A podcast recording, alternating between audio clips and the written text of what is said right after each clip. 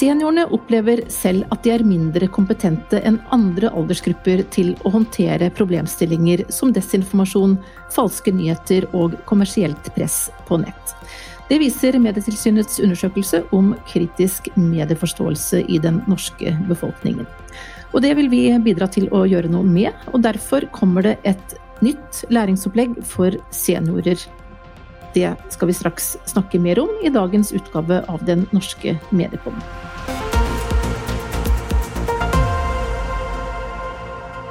I dag har vi en allsidig og kompetent gjeng med oss her i Mediepodden. Det er Tore Slåtta, som er professor i medievitenskap og daglig leder i TSL Analytics.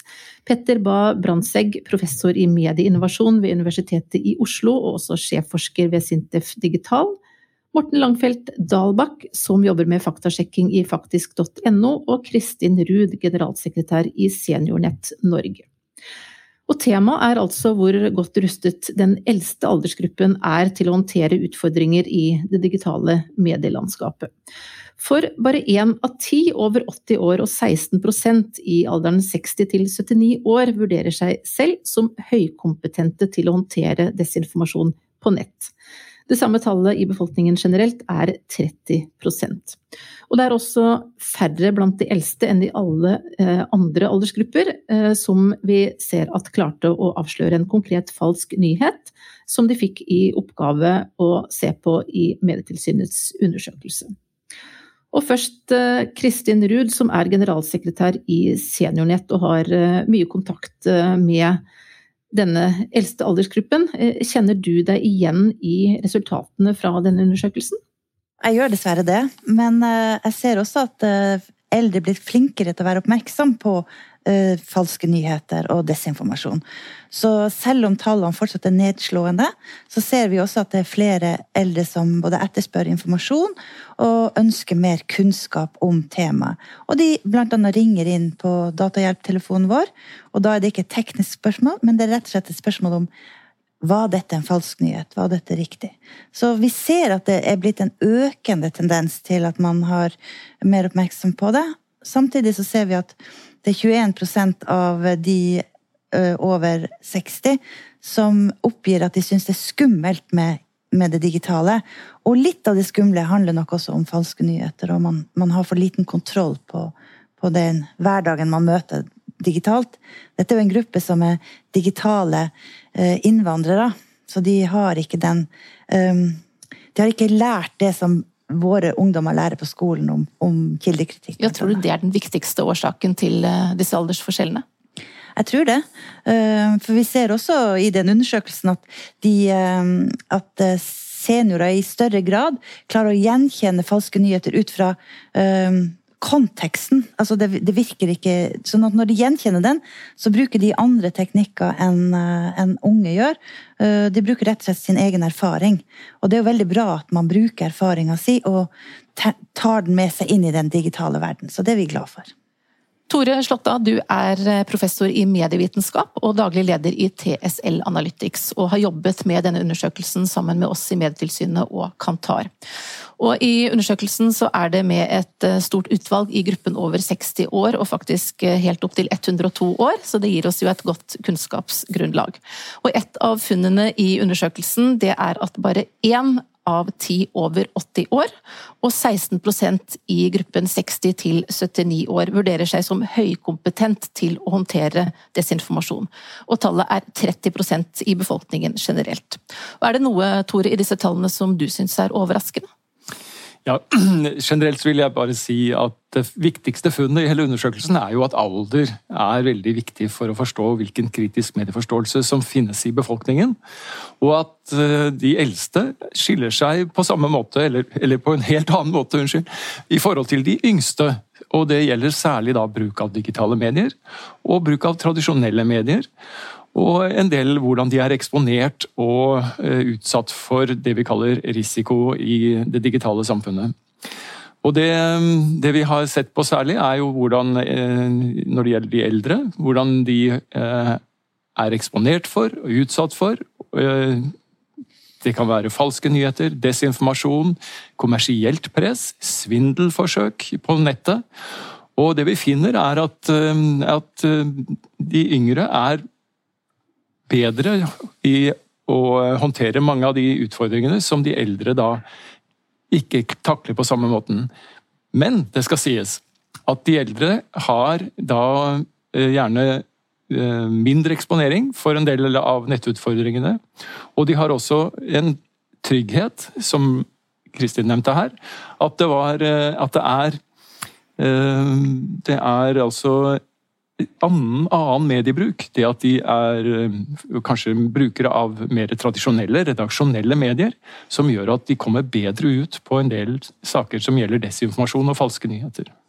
Men når det gjelder dette med de digitale kanalene, tror du også at det er slik som Kristin var inne på her, at eh, det rett og slett handler om at eh, de eldste blant oss ikke har lært om dette eh, på skolen, at de ikke har hatt dette med seg fra de var små, sånn som de som er unge i dag, at det er der den viktigste forskjellen ligger, og at dette da kanskje kommer til å jevne seg ut etter hvert? Det vi vet er at I dagens mediesamfunn så er kompetansen på teknologien så generasjonsspesifikk at det nesten bare på fem år kan være helt forskjellige kompetanser i forhold til hva slags medier man bruker, og hvilken kompetanse man har til å faktisk håndtere de problemene som oppstår i dem.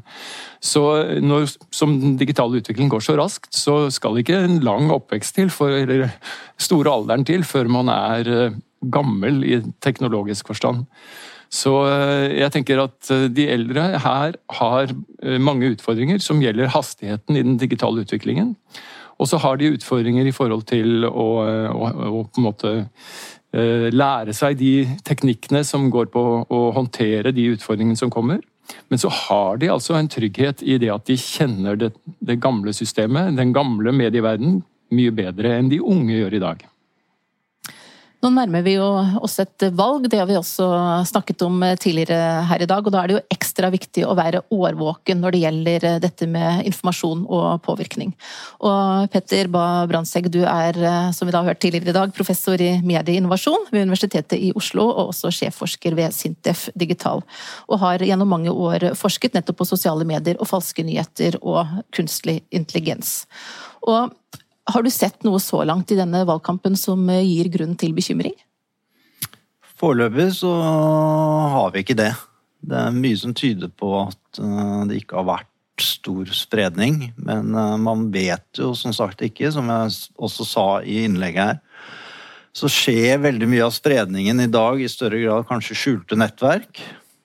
Så det er ikke så lett å få øye på spredningen heller. Og nettverkene er blitt så utrolig fragmenterte, så vi har ikke den oversikten vi hadde for kanskje bare to-tre år siden om hva og hvilke type innhold som blir spredd. Men eh, det vi må være obs på, er jo selvfølgelig hva vi leser, og da særlig i de uredigerte mediene som på Facebook, Twitter, YouTube og den type ting. Altså Man må være obs og gjerne bruke Google som søkeverktøy for å se om også tradisjonelle medier sprer den samme nyheten. Morten Langfelt eh, Dalbakk, du eh, er altså faktasjekker. og Har dere sett noe så langt i eh, valgkampen som gir grunn til bekymring? Vårt inntrykk er litt det samme som det Brandtzæg formidler her. At det har vært lite Det har ikke vært noen spesiell økning i aktiviteten rundt falske nyheter og feilinformasjon så langt i, i valgkampen.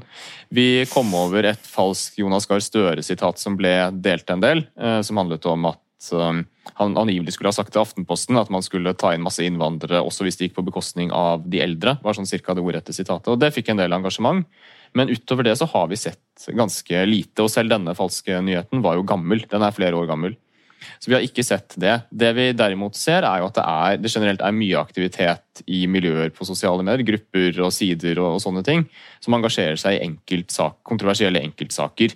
Og Da handler det gjerne om klima, det kan handle om innvandring og det kan handle om litt andre ting som har, skaper høy temperatur i samfunnsdebatten. Og der For det er noen temaer som eh, utpeker seg her, er det ikke det? Det er det definitivt, og det gjelder jo ikke bare i valgkampen, men ellers også. Det er særlig kanskje innvandring og klima som er de to store brennbare temaene, og som, hvor det, konsentrerer seg veldig mye falske nyheter og feilinformasjon rundt nettopp de to temaene. Hvis dere skal gi et uh, råd da, til uh, seniorene som uh, kanskje er, som Kristin var inne på her, litt bekymret for at de kan komme ut for noe som ikke stemmer, og, og også redde for kanskje å dele med andre, hva er det viktigste som de bør være oppmerksom på? Jeg vil si at Det viktigste man kan være oppmerksom på, er saker, nyheter og tekster som man verker skaper sterke følelser, eller som har en veldig sint eller følelsesladet tone. Da bør man sjekke minst en gang til for å finne ut av om det stemmer eller ikke. Og Da kan man jo gå til mer etablerte kilder utenfor de uredigerte mediene. Ikke ut, prøve å finne ut av det på Facebook, men prøve å finne ut av det via forskning eller via etablerte medier som VG, Aftenposten osv.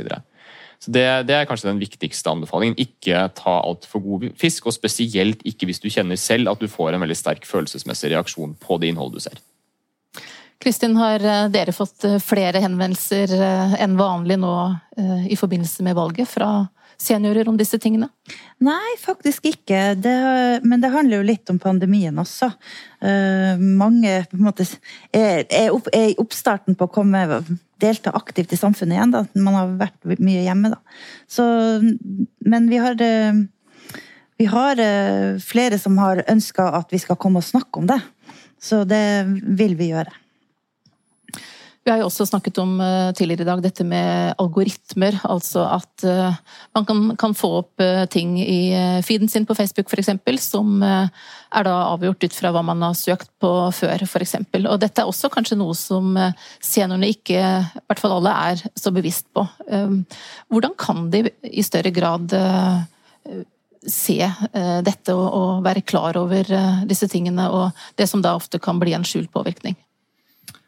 Altså, det er jo ikke lenge siden vi begynte å snakke om algoritmer og hvordan uh, algoritmer påvirker oss. Sånn at det er veldig lite kunnskap egentlig i befolkningen generelt rundt algoritmer, selv om eldre i denne undersøkelsen kanskje har mindre kunnskap.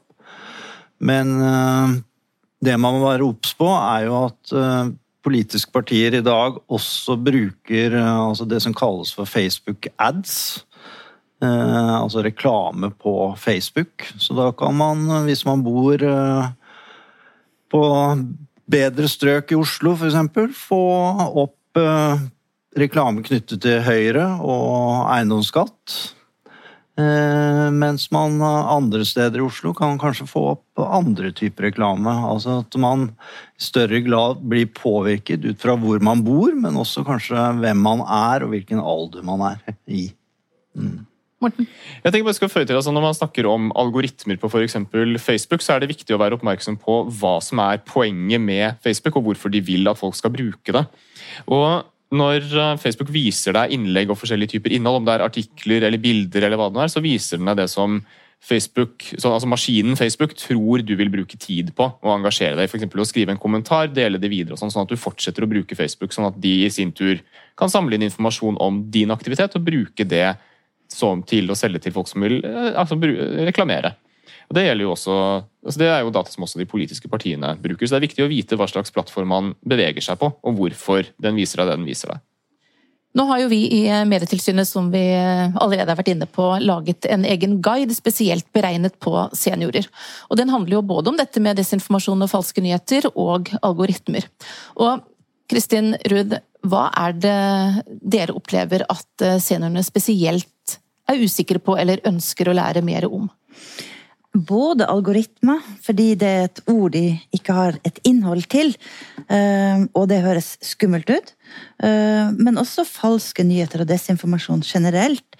Eh, opplever jo at, at man ikke ønsker å bidra til å spre falske nyheter, men man har ikke kompetansen som skal til.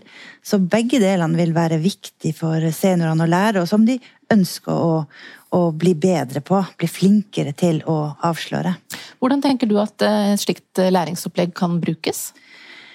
Jeg syns jo det er blitt et veldig bra læringsopplegg. Det, det er bredt. Det, og det har tatt inn over seg at, eh, at algoritmer påvirker så mye hvordan du mottar falske nyheter også. Sånn at de to tingene henger sammen. Men vi håper jo at eh, både våre lokale seniornettforeninger, men også pensjonistforeninger og senioruniversitet, eh, kan bruke dette materialet til å holde et eh, kurs for en gruppe seniorer som der de bor. Uh, og, og, men da med det heftet som vi har, det undervisningsheftet som er i tillegg.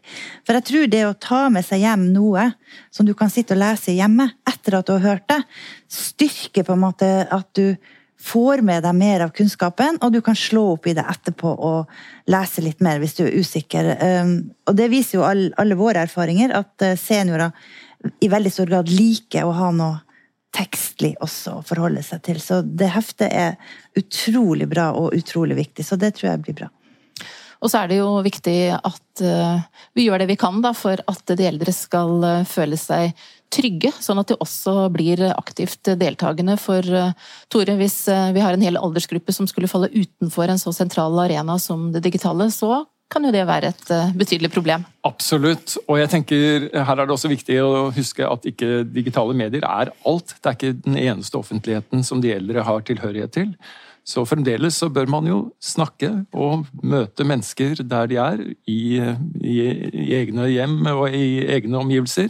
Og, i, og, ikke sitte alene i nettet og følge de dårlige sporene som fins i denne digitale skogen. Til slutt, hvis hver og en av dere får uh, veldig kort tid på å gi uh, det beste rådet, hva som skal til for at uh, også seniorene både skal føle seg trygge og være aktivt deltakende i det digitale landskapet. Begynner med Morten, og så går vi rekka ut. Jeg tror det viktigste faktisk er kritisk mengdetrening. At man bruker de digitale plattformene ofte, men med en kritisk innstilling. Petter? Ja, Eh, jeg tror også det at man må kaste seg litt ut i det, men eh, man må gjøre seg kjent med hvilke medier man bruker og hvordan de fungerer. For vi skal huske at det er en skog av digitale medier og sosiale medier, så man må gjøre seg kjent med hvordan de ulike mediene fungerer, også i forhold til algoritmisk påvirkning, som vi her har snakket om. Jeg tror mengdetrening er viktig, og at man har en kritisk innstilling generelt. Tore? Vi har gått fra en verden som handlet mye om informasjonsfattigdom til informasjonsrikdom. Og I denne sammenheng så er det viktig nå å huske at i den rikdommen fins det eh, ting som er ment for å skape engasjement og sinne og opphisselse hos den som sitter og leser. Og da bør det gå en varsellampe opp og tenke dette er ikke nødvendigvis sant. Dette er slik fordi jeg skal på nettet og klikke og engasjere meg. Ikke fordi dette er en mening jeg bør ha. Da får du siste ordet, Kristin. Ja, og da vil jeg bare oppfordre alle til å tørre å bry seg. Og gjerne si det til tante, hvis tante er den som sprer en falsk nyhet. Det kan man gjøre på en ordentlig og grei måte, for det kan være at hun ikke vet at hun gjør det. Det sa Kristin Ruud, som er generalsekretær i Seniornett Norge. Tusen takk også til Tore Slåtta, professor i medievitenskap og daglig leder i TSL Analytics. Petter Bae Brandtzæg, professor i medieinnovasjon ved Universitetet i Oslo og sjefforsker ved Sintef Digital. Og Morten Langfelt Dalbakk i faktisk.no. Og denne samtalen var et opptak fra et digitalt arrangement om samme tema. Der var det også flere foredrag om disse temaene, og du kan se hele opptaket på Medietilsynets nettsider. Jeg heter Mari Welsand og er eh, direktør i Medietilsynet. Tusen takk for følget.